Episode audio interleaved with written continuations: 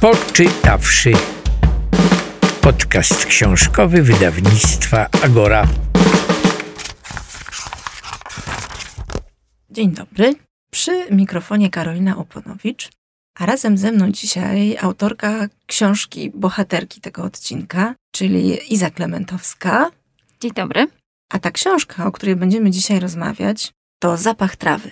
Opowieści o dzieciach hipisów. Iza, czy ty napisałaś książkę o narkotykach?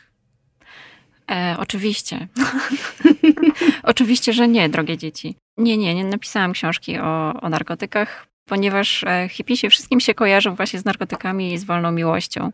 E, oczywiście te, te, te substancje czynne były w ich e, życiu bardzo obecne, tak samo jak wolna miłość, ale jednak to nie było clue jakby bycia e, i chciałam troszeczkę ominąć te dwa tematy, żeby nie skupiać e, uwagi na tym, tylko po prostu na, na czymś zupełnie innym, na wychowaniu w rodzinie hipisowskiej. Czyli ten tytuł jest, jak już się zdążyliśmy domyśleć, e, przewrotny, a nadała go swojej książce reporterka, e, dziennikarka, podróżniczka, autorka kilku książek reporterskich. To jest twoja piąta książka. Rzecz dzieje się w trzech różnych, na trzech różnych kontynentach bo mamy i Polskę, y, mamy i Indię, czyli Azję i mamy Stany Zjednoczone. Tak.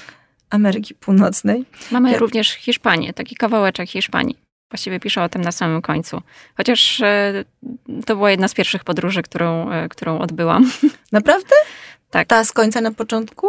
Tak, tak, tak. Ta z końca była na początku, ponieważ ja tam wyjaśniam też dlaczego ponieważ chciałam odpocząć od pewnych jakby innych sytuacji, które, które były tutaj e, w Polsce. Chodzi mi o, o, o moją pracę nad, nad poprzednią książką o, o uchodźcach i po prostu mm, świat i Polska mi się wydawał wtedy taki strasznie czarny i, i po prostu wszyscy, wydawało mi się, że ludzie nie cierpią ludzi i w ogóle bez powodu. I, I, chciałam znaleźć się po prostu w jakimś takim miejscu, które, które byłoby mm, przyjaźniejsze. A że słyszałam o tej wiosce, Beneficio, e, e, koło Granady w Hiszpanii, więc po prostu pomyślałam sobie, to jest właśnie dobry moment i, i pojadę. No i pojechałam i rzeczywiście to, co zobaczyłam tam i to, co przeżyłam e, w sensie pozytywnego jakiegoś takiego odbioru mnie przez tych ludzi i, i, i, mojego odbioru ich, to po prostu już jakby zostanie ze mną e, na zawsze. Także troszeczkę się od tego e, może i zaczęło, chociaż nie do końca. No bo to jest ta, taka wioska wolnych ludzi i wolnych dzieci. E, I wolnych rodziców. Tak, i nawet wolnych wnuków, ponieważ tam już mieszkają trzy pokolenia. Tę wioskę założył pan, który wyjechał z, z Meksyku bodajże. I on był biologiem, profesorem biologii i w pewnym momencie po prostu stwierdził, że, że ten świat, który, w którym on żyje, e, pełen e, właściwie system, w którym on żyje, nie, nie do końca mu pasuje, chociaż jeszcze w Meksyku nie, nie, nie, nie są to takie struktury bardzo e, ścisłe.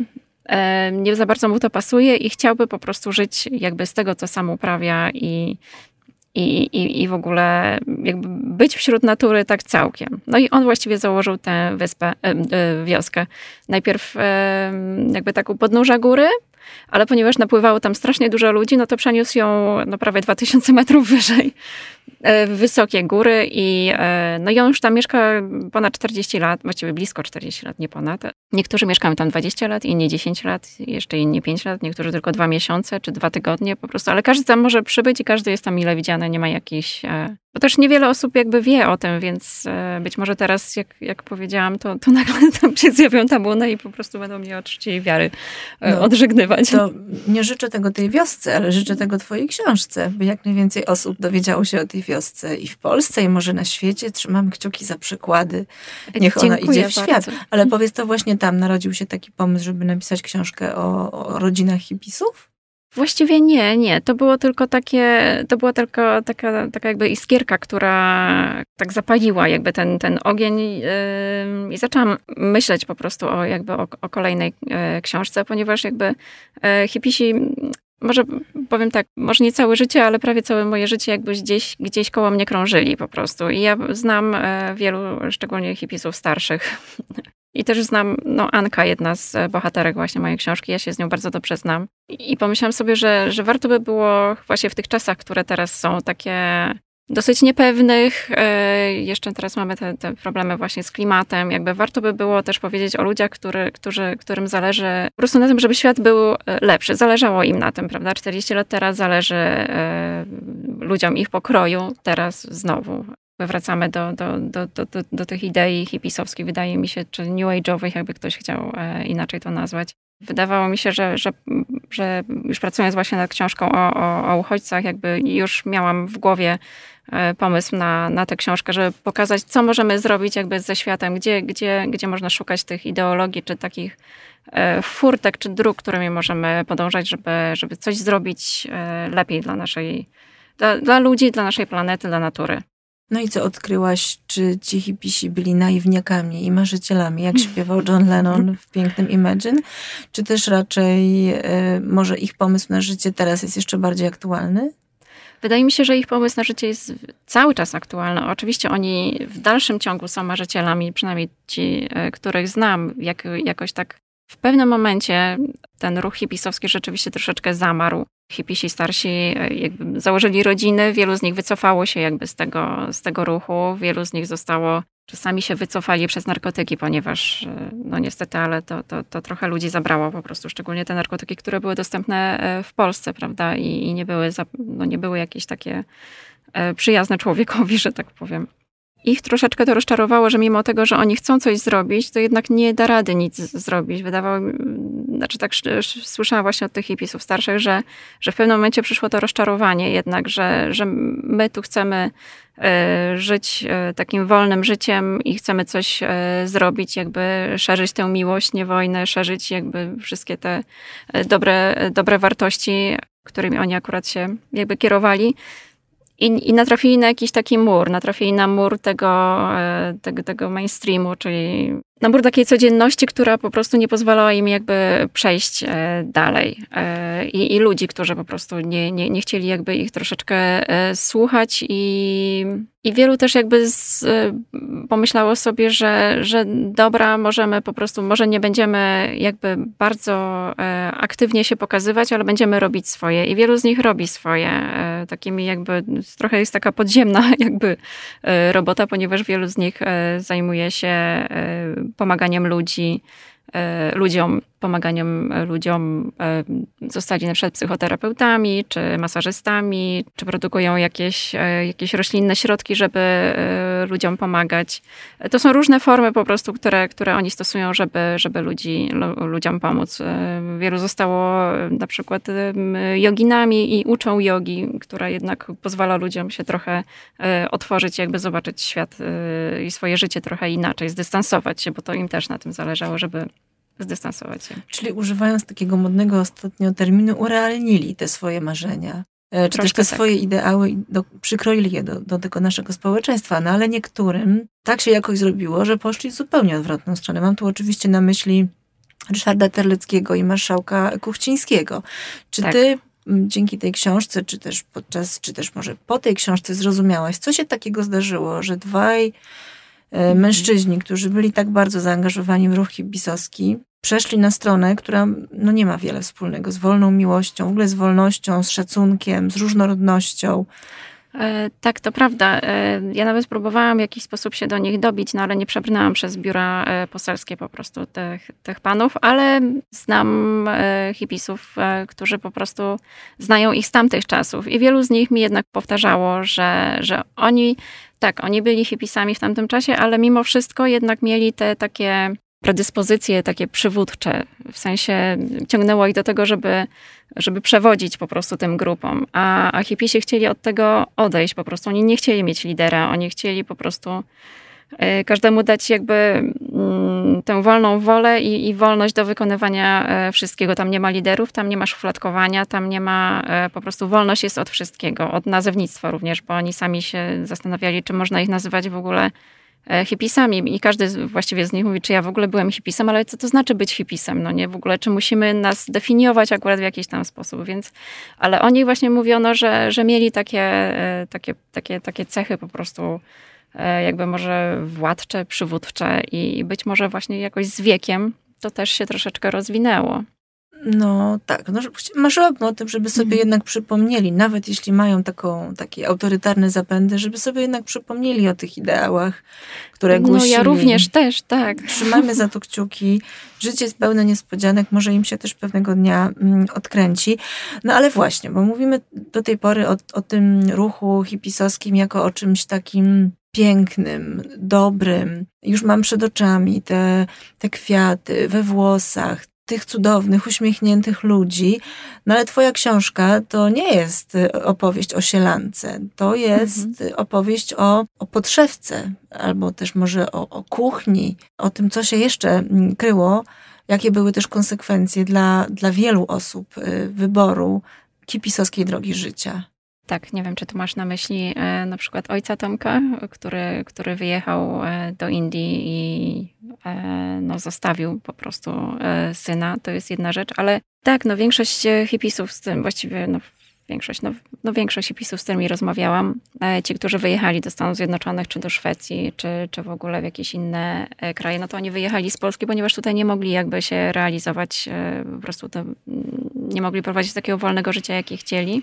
Ale to też e, jakby jak przyjechali na przykład do Stanów Zjednoczonych czy, czy do Szwecji, na początku też nie potrafili się odnaleźć w tamtej rzeczywistości, która była kompletnie inna. To musimy przypomnieć, w Polsce był komunizm, tam, e, tam wręcz odwrotnie o 180 stopni była sytuacja e, inna.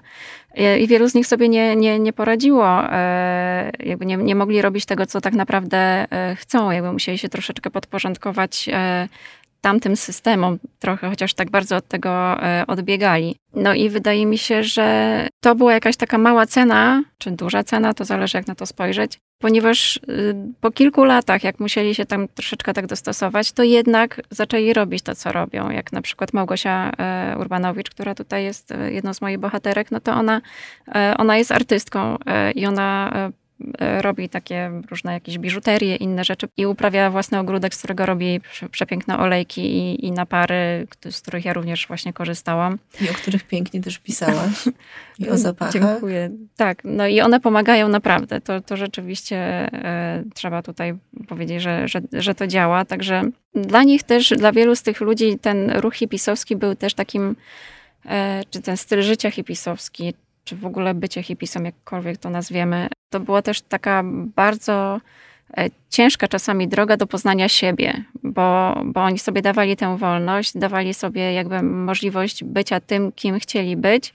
I kiedy ma się taką wolność, dopiero wtedy jakby człowiek widzi, e, kim, kim tak naprawdę jest. I wielu z nich e, na przykład po odkryciu, e, jakby właśnie tu mówiłam o Małgosi, ona też e, zrobiła sobie coś, coś zupełnie innego. Najpierw jeździła tylko właśnie z hipisami po całej Polsce, pakowała się na te paki e, samochodów, nocowała na plaży i w ogóle śpiew i tańce i naprawdę cały czas zabawa.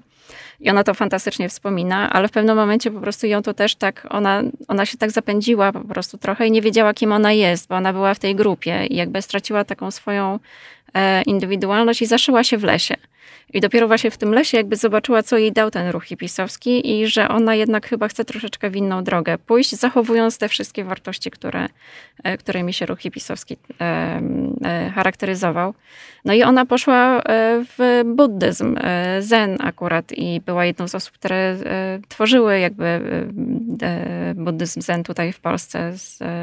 I wielu hipisów właśnie poszło też w buddyzm czy w hinduizm. To była jakby taka naturalna droga, żeby szukać siebie dalej poprzez te właśnie e, religie czy style życia, bo to też buddyzm to nie jest religia, prawda? To jest bardziej filozofia. Ale y, wiesz co, to, to jest y, bardzo ciekawe, co mówiłaś, bo rzeczywiście to jest też opowieść o tym, co się, co się o takim urealnieniu mhm. właśnie i o tym, w, jaki, w jakich kierunkach te hipisowskie życia poszły, ale ja zadając to pytanie myślałam o rodzinach. Rodzinach. Myślałam o rodzinach, wiesz, myślałam o tym, że no właśnie, konsekwencje tych wyborów były takie, że dzieci, które przychodziły na świat w tych rodzinach, no musiały dostosować się do bardzo specyficznych mhm. okoliczności. Znaczy dzieci mają to do siebie, że po prostu przychodzą na świat. Świat y, przyjmują takim, jaki, jest, jest, przez mhm. wiele lat, a potem się zwykle odwracają od niego y, zupełnie. E, i go negują, no ale, ale tu rzeczywiście, bo wiesz, twoja książka, jak rozmawiałam z różnymi jej czytelnikami, bo już y, sporo osób y, ją mm. przeczytało i, i dla każdej z tych osób ona jest zupełnie o czymś innym. I właśnie jest to o, o konfrontowaniu swoich ideałów z rzeczywistością właśnie, o jakimś poszukiwaniu swojej drogi. Jest też um, o takim, wiesz, zestawieniu Polski z, tak zwaną zagranicą i o tym, jak to wyglądało w latach właśnie, nie wiem, 60. czy 70., a jak to, jak to wygląda teraz. Ale dla mnie ta książka przede wszystkim jest książką, albo może w pierwszej warstwie jest książką o granicach rodzicielstwa właśnie. Wiesz, gdzie się ta nasza rodzicielska wolność kończy. Tak, to prawda. I właśnie rozmawiając z dziećmi hipisów, e, no to każdy z nich e, przeszedł swego rodzaju jakiś bunt każdy z nich rodził się właśnie w, tym, w, tym taki, w tej takiej totalnej swobodzie i wolności i, i zupełnie jakimś takim... Oni, oni mieli ten świat i dla nich ten świat właśnie był, był taki. Jakby rodzina, rodzina wyglądała taka nie inaczej, ponieważ e, ci, sami, ci rodzice, rodzice mieli akurat podobnym, podobnych sobie znajomych, więc e, oni się wszyscy znali i ten świat był taki sam jakby wszędzie. Oni podróżowali od domu do domu i te domy były jakby podobne, zachowania były podobne, więc ona myślała po prostu, że tak wygląda świat. Ona nie była w przedszkolu e, i dopiero poszła do, do szkoły. E, ponieważ jej rodzice stwierdzili, że dobrze, no to ją wyślemy w odróżnieniu od rodziców Jacka, którzy nie chcieli ich posłać e, do, do szkoły. No i Anka e, po prostu się zderzyła z, z, raz z jakimś takim systemem szkolnym, ale też z zachowaniem po prostu innym. Dzieci się zachowywały jakby zupełnie inaczej. Dzieci były takie bardziej potulne, bardziej grzeczne. Ona była taka po prostu ona w domu potrafiła, znaczy nie musiała pytać o, o, o, o jakby o, o zgodę na to, żeby się zapytać, a w szkole nagle po prostu to się, to się wydarzyło. Ona nie musiała siedzieć w jednym miejscu 45 minut, co było dla niej nie do, nie do, nie do przejścia. E, I czasami wychodziła z klasy, ponieważ już nie, nie mogła. Po prostu jakby ta dyscyplina i swego rodzaju reżim, który dla innych dzieciaków był taki, no po prostu tak ma być i już, to dla niej był trochę nie do, nie do przejścia. I to zresztą nie tylko dla niej. No, jak rozmawiałam e, z, właśnie z dziećmi e, hipisów, no to, to jakby szkoła było, było takim, takim jakby potrząśnieniem nimi, jakimś takim zderzeniem po prostu dwóch różnych e, światów.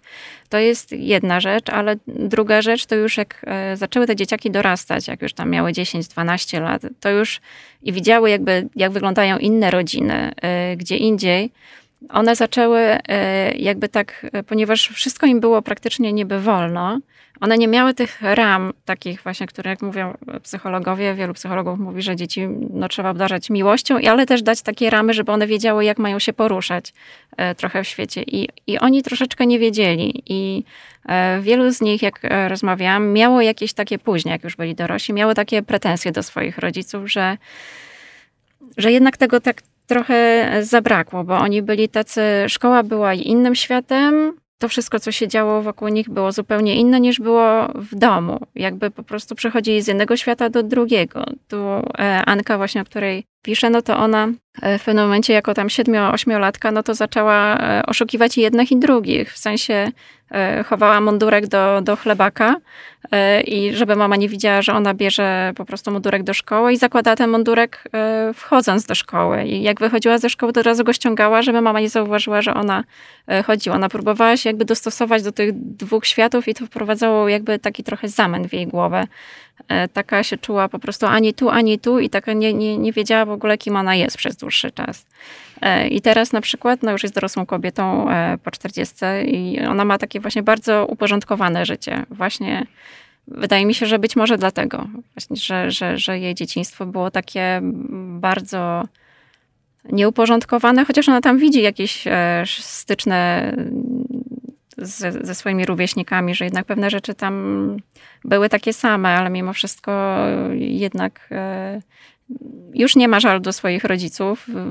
Mówi, że właściwie wiele im zawdzięcza i, i, że jest im bardzo wdzięczna za takie dzieciństwo, jakie miała, ale mimo wszystko, jak dorastała, było jej ciężko.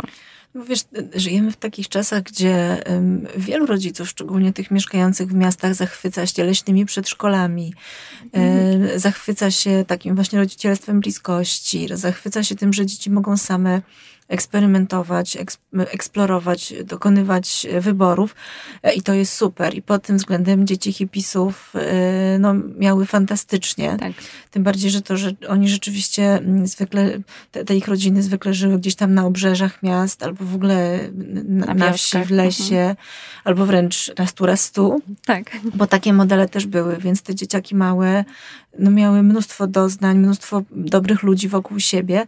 No ale mamy tam też takie smutne historie. Mamy historię na przykład brata Jacka, jednym z takich no, głównych bohaterów, można by powiedzieć, tak. przynajmniej polskiej części, jest Jacek, y, który w zasadzie żyje po hipisowsku, ale którego brat na tym etapie konfrontacji y, życia hipisowskiego y, z życiem tak zwanym zwyczajnym, no nie wytrzymał i popadł w alkoholizm i, i to jego życie się rozpadło na kawałki. Ale Jacek dalej żyje, znaczy dalej, Jacek, podobnie jak jego rodzice, żyje z żoną i z dziećmi w lesie, trzyma dzieci z dala od telefonu tak. komórkowego i takie tak. dosyć rygorystyczne ma podejście do, do tych swoich hipisowskich zasad. Jakkolwiek dziwnie to brzmi.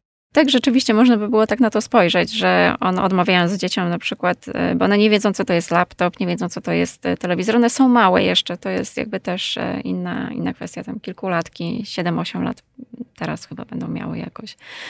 Więc one tego nie znają. Jak zobaczyły mój telefon komórkowy, to po prostu otworzyły buzię ze zdziwienia i tak patrzyły na ten ekran, który się tak zaświecił nagle, więc to dla nich i, i tu rzeczywiście można by było pomyśleć, że on w takim razie stawia ramy, ale jakieś takie zupełnie inne, e, prawda? Takie on, odjechane zupełnie. On poszedł na ustępstwo i założył baterie słoneczne, więc, e, więc po prostu jakby pewną, ale te też baterie słoneczne to, to, to też to jest bateria słoneczna, czyli to jest czerpanie z natury. E, mimo technologii, która, która jest tam nałożona na dach, no to jednak czerpie, czerpie z natury. E, jego brat rzeczywiście, on kiedy poszedł do szkoły, oni tam mają chyba dwa lata różnicy między nimi jest. Kompletnie sobie nie poradził, tak jak Anka jakby nie potrafił się, nie potrafił zrozumieć jakby zasad, którymi, e, według których działa szkoła. Anka sobie poradziła w sensie E, że dostosowała się tu i tu i była inna trochę w szkole, inna była w domu, e, a, a brat Jacka akurat kompletnie nie, nie chciał się dostosować do tych zasad. No i jedynym lekarstwem, jakie um, umiał znaleźć, to po prostu było najpierw piwo, później jakby większy alkohol. No i tak no niestety sobie z tym nie poradził, później zaczął uciekać z domu, to też były takie dosyć przykre, przykre sytuacje. On teraz mieszka też na Wyspach Brytyjskich, bo próbował założyć też takie gospodarstwo jakby agroturystyczne, coś e, troszeczkę, troszeczkę dalej e, od Jacka, no i e, po prostu wziął bardzo duży kredyt, państwo nie pomogło, no i on po prostu wyjechał do, do, do Wielkiej Brytanii. I no Jacek nie ma z nim za bardzo kontaktu, ponieważ Jacek nie ma telefonu, więc jeśli ten brat przyjedzie, no to przyjedzie i on tak naprawdę nie wie, co się z nim dzieje. E, no ciężka sytuacja dla, dla nich obojga, bo, bo tak naprawdę nie wiadomo, co się z nim e, dzieje. Ja, ja e, też próbowałam jakoś go znaleźć i nie udało mi się go znaleźć. A Jacek, Jacek chciał, żebyś go znalazła? Jacek chciał, żebym, żebym go znalazła, bo oni się komunikują właściwie tylko listownie.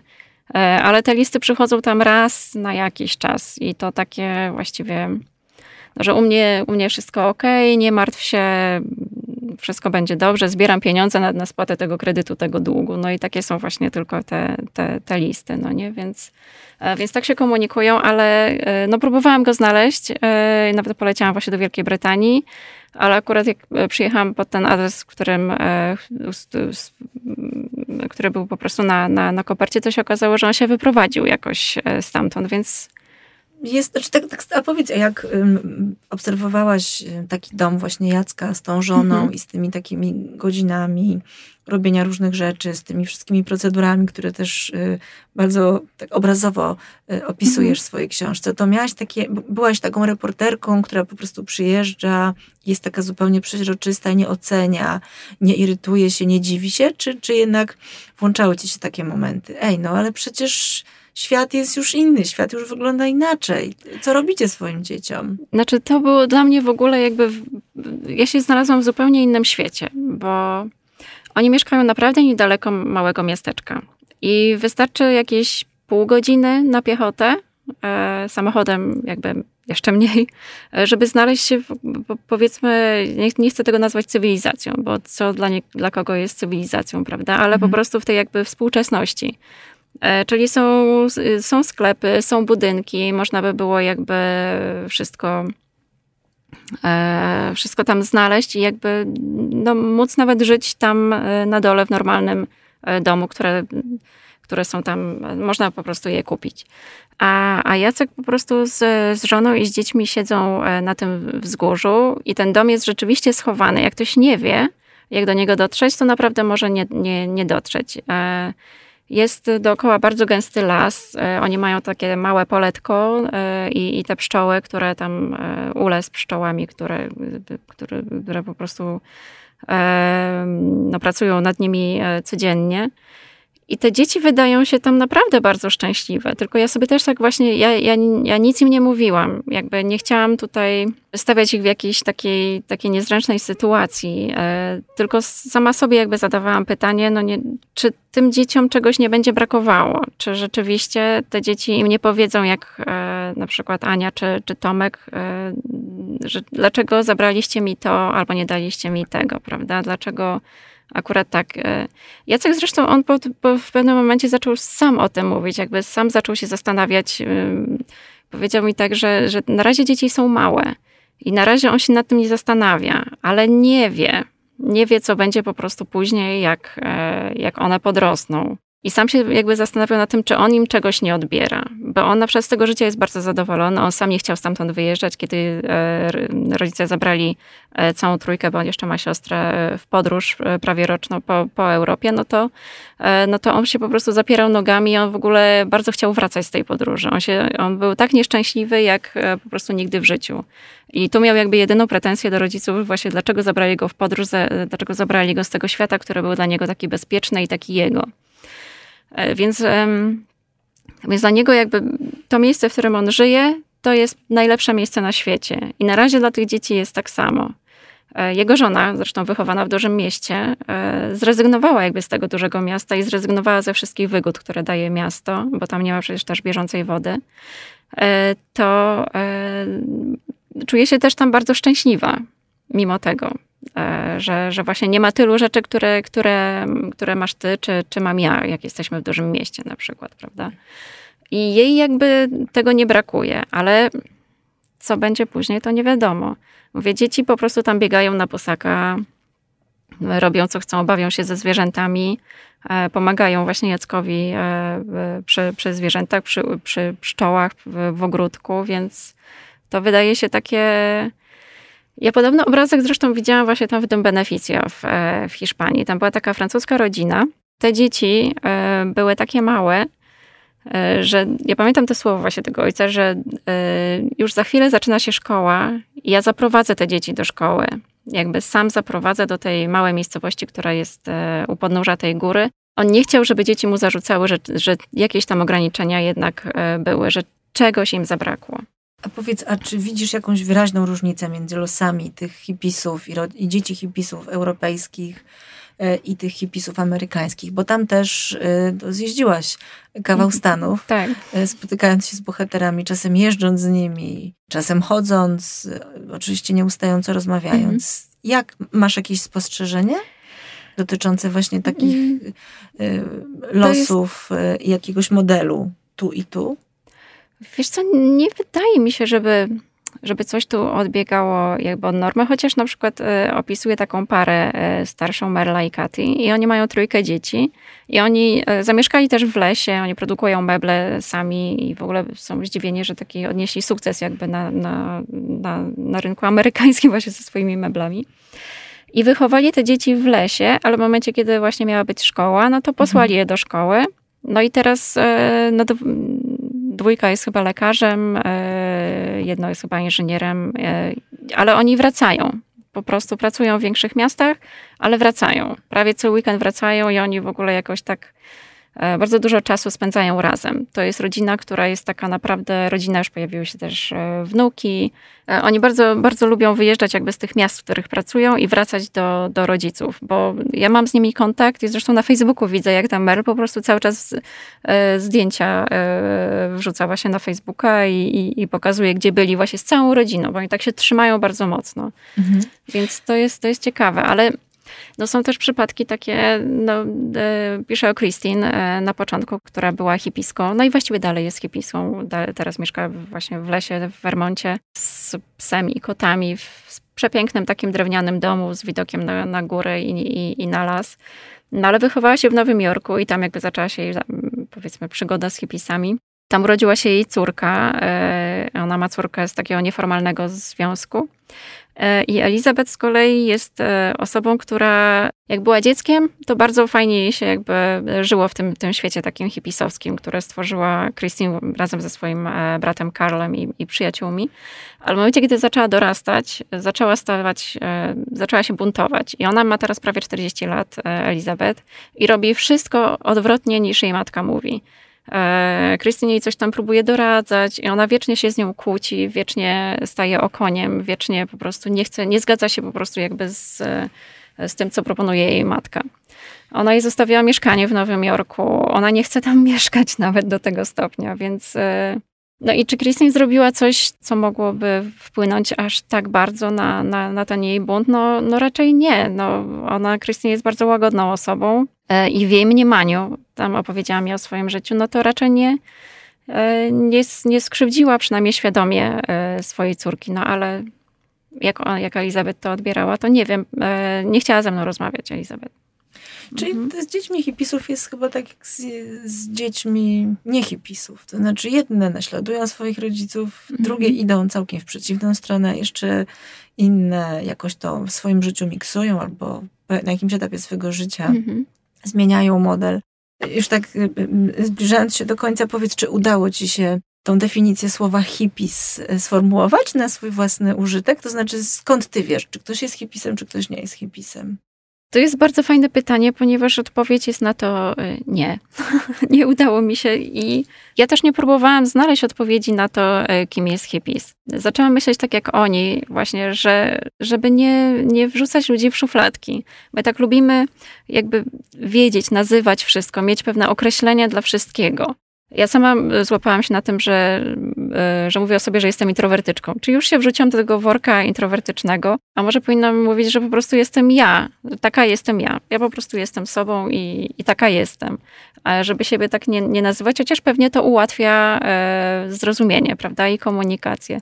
E, I właśnie w pewnym momencie też, e, kiedy, kiedy się z nimi kontaktowałam na przykład e, i mówiłam słowo hippies, no to tak jak właśnie wspomniałam wcześniej, no to było, no ale hmm, czy ja byłem, czy ja byłam hippiską? No to to jest dobre pytanie, no nie, no ale kim jest hippies? To, że nosił kolorowe stroje, czy słuchał tej muzyki, czy brał narkotyki, czy... Czy włosy miał długie? Czy włosy miał długie, czy, czy dziergane Czy wolną spodnie? miłość uprawiał?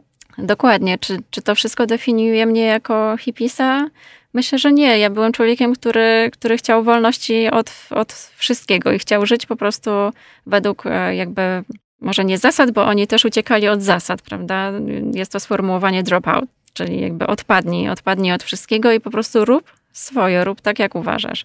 Więc, yy, więc ja nie szukałam, w pewnym momencie przestałam jakby szukać yy, też i nie szukałam tak naprawdę chyba tego odpowiedzi na pytanie właśnie, kim jest, e, kim jest hippies, no to jednak te, to słowo hippies się pojawiało. Właśnie. No pojawiało się, ale też mhm. rozumiem, że jak dobierałaś bohaterów, no to też musiałaś sobie to jakoś ułożyć, czy ten gość mhm. albo ta gościuwa to jest hippies, czy hippiska, tak. czy nie. No, czy to jest bohater mojej książki, czy nie. Tak, tak, tak, tak. Więc e, zaczynam oczywiście od tego właśnie, czy, czy ktoś był hippisem, czy, czy hibiską, czy był zamieszany w ruch hibisowski. To Wojciech Sady z kolei e, powiedział mi, on się, właściwie on powiedział, że on nie był hipisem, tylko on się ocierał o ruch hipisowski. Cokolwiek to, to mogłoby znaczyć, więc wielu też e, mówiło, że no hipis, tak, tak, no niby byłem hipisem, ale, a, ale, ale jednak nie, nie chciałbym być e, łączony z tym ruchem. Na pytanie dlaczego, no to no to właściwie nie znajdowałam odpowiedzi. I to było dla mnie też takie, takie dziwne, że, że ktoś tak się e, odcinał od młodości, która raczej, biorąc pod uwagę na to, co działo się w Polsce, a to, co oni robili, no to była zupełnie inna, e, in, inną, inną ścieżkę obrali. E, to chyba Walt Whitman powiedział, że, że obierz taką ścieżkę, która, która jest nieczęsto, nie, nieczęsto uczęszczana. A która z historii jest y, taką najbardziej poruszającą cię? E, no dla mnie jednak najbardziej historia Tomka.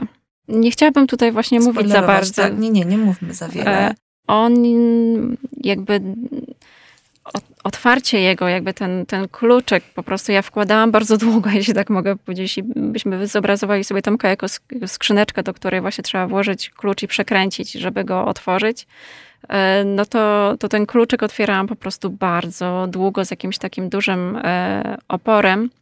Ale kiedy już zaczął mówić, po prostu kiedy zaczął przede mną otwierać, to ja po prostu, kiedy on robił te pauzy i tak wychodził na przykład z pokoju, czy wychodził z kuchni, czy się nie odzywał w ogóle przez jakiś czas, e, no to, to i opowiadał po prostu to całe swoje życie, no to jakoś, to ja się, to ja się też tak może nie, że wzruszałam, bo, bo to było wzruszające jego to, to dzieciństwo i naprawdę nie, niewiele osób może powiedzieć o swoim dzieciństwie, tak jak on e, opowiadał to, co on przeżył.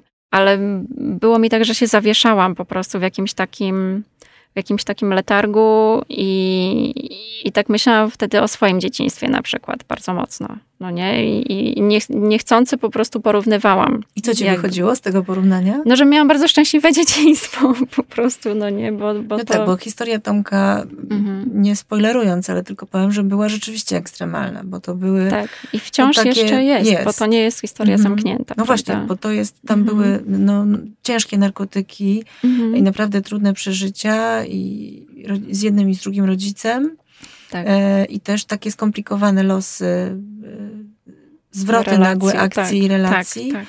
E, I ty też tutaj w tej historii, chyba tylko w tej jednej, jesteś taką łączniczką, mediatorką. Bo ja tak, ja szukałam dzieci hipisów tak bardziej niż, niż, niż rodziców, ale kiedy byłam w Nowym Jorku, spotkałam się z takim właśnie starszym hipisem z Polski. I rozmowa nam się kompletnie nie kleiła. Po prostu jakoś tak rozmawialiśmy, ale jakoś tak po prostu strasznie ciężko, ciężko. Spotkałam się raz, drugi, trzeci.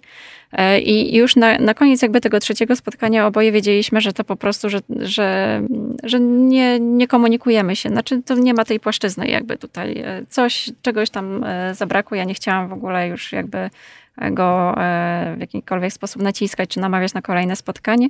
I on po prostu na sam koniec tak wypalił, ale wiesz co, ale mam takiego znajomego, który, e, który po prostu, którego historia może cię zainteresować. I właśnie to był e, Czarny z Indii. I dał mi do niego właśnie adres mailowy i mówi, napisz, zobaczysz, może akurat. No i, i to po prostu się zdarzyło tak w ciągu minuty. On mi mógł tego nie, nie powiedzieć i tej historii mogłoby nie być w tej książce, ale wydaje mi się, że bez niej nie byłby to pełny obraz e, też, więc no jego ojciec, e, no raz, że przyjął mnie po prostu przecudownie, to wydaje mi się, że on ma bardzo dużo żalu do siebie, ale też nie potrafił zrezygnować z własnej wolności. I tu jest ta cena, którą on zapłacił niestety, ale nie będziemy zdradzać. Nie, nie będziemy zdradzać. E, mogłybyśmy jeszcze niedługo opowiadać o tych bohaterów. Je, bohaterach jest ich jeszcze wielu. Bardzo, bardzo zachęcam do tego, żeby do tej książki sięgnąć, bo jak podejrzewałam, co zresztą potwierdzili pierwsi czytelnicy, tutaj hmm. znajdzie każdy coś dla siebie trochę innego i myślę, że dużo ważnych wątków. A Iza, jesteś, tak, no jak mówiłam, piąta książka Pisałaś samotności Portugalczyka o Portugalii, oczywiście w Szkielecie Białego Dnia pisałaś o Mozambiku, pisałaś też o minuty, pisałaś reportaże o starości. Twoja poprzednia książka, wspominałaś o tym Skóra witamy uchodźców, teraz Zapach trawy, opowieści o dzieciach hipisów, ale ty oprócz pisania to jak cię obserwuję, ostatnio masz jeszcze jedną taką, nie wiem, pasję, zajawkę, mm -hmm. misję życiową. E, chyba tak. Czy to za, duży, za dużymi słowami to powiedziałam? Ja pamiętam Wojciech Jagielski kiedyś tak fajnie powiedział, że on nie, nie, nie patrzy na swój zawód jak mm, na swego rodzaju misję, nie lubi tego, tego określenia. Ja też jakby staram się nie, nie mówić w ogóle o czymkolwiek, co robię, że to jakaś e, misja czy coś, tylko jest to dla mnie bardzo ważne, e, czyli sadzenie drzew jest dla mnie bardzo E, bardzo ważne. Ja nie jestem jakąś strasznie e, osobą taką e, zaprzyjaźnioną z mediami społecznościowymi, ale pomyślałam sobie, że tu dlatego zrobię wyjątek. I założyłam Instagram po prostu poświęcony tylko sadzeniu drzew i to już trwa dwa lata. I co się okazało, właśnie jak teraz zrobiłam podsumowanie po dwóch latach, e, ku mojemu wielkiemu zaskoczeniu po prostu okazało się, bo mam jakby feedback od, od ludzi, którzy jakoś tam trafiają e, na ten Instagram, e, że przez dwa lata udało się posadzić ponad 5 tysięcy drzew. dzięki Twojej akcji? Tym osobom, e, które tak. widziały Twoje wpisy? Tak. To tak. powiedz jeszcze szybciutko, gdzie Cię można znaleźć i, mhm. i co właściwie mamy robić? I po co? I po co? To może zacznę od tego właśnie po co. No, wszyscy wiemy, że e, klimat się zmienia, e, no, znaczy sami sobie na to zapracowaliśmy, że, że klimat się zmienia. Teraz możemy obserwować te pożary, które są w Grecji i w Turcji, po prostu, które pożerają e, te piękne kraje i te lasy, które tam są tym to już wszyscy naukowcy jakby z każdego, z każdego kraju i, i, i, i, e, z każdej części świata e, już trąbią o tym, że jakby sadzenie drzew może temu pomóc. E, to jest sprawa jakby przyszłościowa, czy powiedzmy 50 lat, czy, czy, czy, czy 100 lat, ale jakby drzewa są takim to są nie dość, że nasze płuca, to jeszcze y, symbioza musi być zachowana między wszystkimi gatunkami, właśnie również poprzez y, drzewa. I jeśli nie będzie drzew, to nie będzie pszczół, to nie będzie, y, to nie będzie człowieka. Jakby już taką biorą, biorąc taki łańcuszek najprostszy. Więc e, ja namawiam po prostu, tak oczywiście to jest symbolicznie, do, do posadzenia jednego drzewa w miesiącu. My żyjemy w takim klimacie, że wiadomo, przez jesień, zimę nie posadzimy drzew, chociaż jesień, na jesień można niektóre gatunki sadzić. I to jest tak e, symbolicznie nazwane właśnie posadź drzewo w miesiącu, jedno drzewo w miesiącu. E, jak gdziekolwiek jestem, gdziekolwiek mnie los czy przeznaczenie, nie wiem, jak to nazwać, czy sama reporterski, reporterska. zadanie, tak, wyślę, to wszędzie, tam zawsze wszędzie e, sadzę drzewa, również na pustyni posadziłam mnóstwo drzew, e, żeby było śmiesznie i wiem, że one rosną, ponieważ cały czas mam kontakt z ludźmi tam poznanymi, więc to jest możliwe. Tam poznałam właśnie człowieka, który, e, który zna się na tym, jak sadzić drzewa, jest Indianinem, czy przepraszam, rdzennym Amerykaninem, sadzi drzewa i wie, jak to robić, po prostu już z dziada pradziada jakby się nauczył jak to robić, więc e, ja namawiam wszystkich bardzo serdecznie, żeby pójść po prostu do jakiejś szkółki e, drzewnej, zabrać, e, kupić jedno drzewko i, i posadzić w miesiącu jedno bądź kilka, to oczywiście, bo nigdy za dużo drzew. Zgadzam się. Lecę do sklepu ogrodniczego. Dziękuję bardzo. To była rozmowa z Izą Klementowską o jej najnowszej książce Zapach trawy, opowieści o, dzieci o dzieciach hipisów. Iza, Miło było Cię gościć. Dziękuję, bardzo miło było rozmawiać. Zawsze z Tobą, Karoliną. Na zakończenie naszej rozmowy jeszcze fragment zapachu trawy, opowieści o dzieciach hipisów. Iza, mogę Cię poprosić o przeczytanie? Oczywiście. Można biegać na golasa i nikt tego nie widzi, powiedział mój pierwszy chłopak, kiedy przyprowadziłam go do domu. Ramiona Anki drgają zabawnie, śmiech sobie, a ruch sobie, jakby rozregulował jej się w środku jakiś mechanizm. Teraz już nie siedzi na krześle, tylko wędruje z jednego końca kuchni na drugi, potrącając po drodze psią miskę. Patrzę na nią, jakbym oglądała mecz tenisowy w zwolnionym tempie. Jak na wakacjach, krzyknął. Od razu spodobał mu się ceglany budynek pełen drewna, otoczony z trzech stron lasem. Od razu też znalazł wspólny język z rodzicami i nieraz miałam wrażenie, że przychodzi do mnie nie dla mnie, ale dla nich. Anka przystaje i dziobie samą siebie w klatkę piersiową. Zawsze gotowy, by zapalić skręta, zawsze chętny na muzykę, która dudniła po domu czasami całymi dniami. Byliśmy w tej samej klasie, więc wiedział, kim są moi rodzice. Ale parą zostaliśmy dopiero po studniówce. Nie chciało mi się na nią iść. Idź, to jedyna taka impreza w życiu. Potem będziesz żałowała, że nie byłaś. Mama w krwisto-czerwonej długiej sukience chyba miała na nią większą ochotę niż ja. W tłumie innych rodziców, ubranych w eleganckie granaty, szarości i czernie, wyglądała jak plama na obrazie. Każdy z rodziców miał coś do przygotowania. Ona przyniosła dwa pasztety z fasoli, ojciec zaś własny baniak wina z ogrodowych wiśni. Strój też miał oczywiście jedyny w swoim rodzaju. Czy nie możecie choć raz w życiu ubrać się jak wszyscy? Bo tato założył czarny frak z białą koszulą i czerwoną chusteczką zamiast muchy. Oboje wyglądali, jakby dopiero co urwali się z kabaretu. A ja chciałam, żeby tego dnia nie zwracali na siebie uwagi, bo to był mój dzień. Poczytawszy. Podcast książkowy wydawnictwa Agora.